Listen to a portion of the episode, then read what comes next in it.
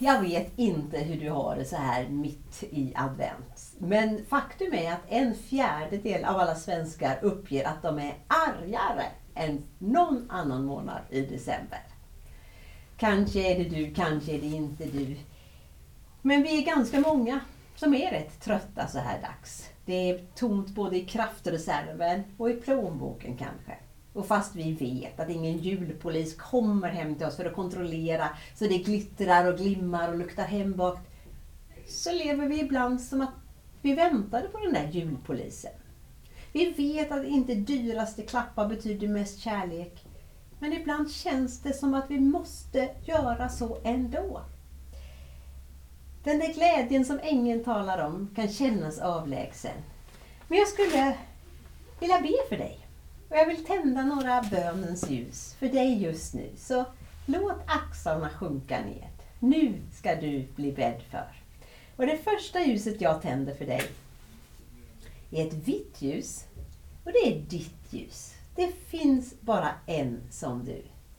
I denna stora märkliga värld så är din berättelse alldeles unik. Gud har satt sitt fingeravtryck på dig. Och lika unikt som ditt fingeravtryck är, det är hela du. Sträck på dig. Du är en gåva till oss. Det andra ljuset jag vill tända är vilans gröna ljus. Du får sparka av dig skorna och ta en paus.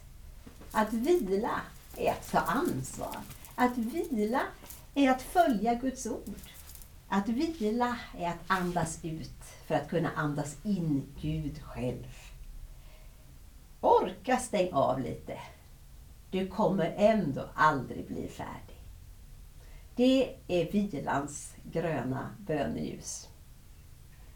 Så vill jag tända ett tröstens blåa ljus. Och det tänder jag särskilt för dig som har en förfärande stort tomrum där du bor. Kanske någon som aldrig kom eller någon som har försvunnit. Kanske en relation som gått sönder. Kanske har någon dött ifrån dig, någon som inte fick dö. Jag tänder det blå ljuset för dig och ber att Gud ska trösta dig. Han räknar alla tårar.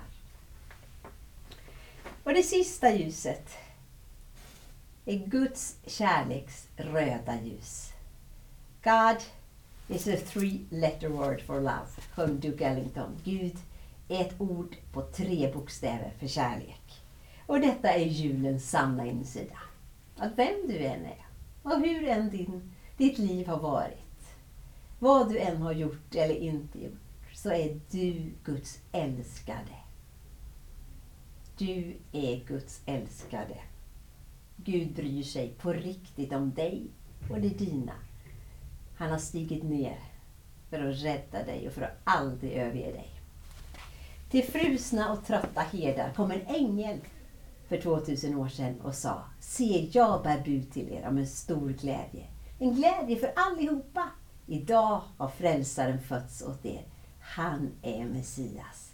Du är aldrig mer ensam.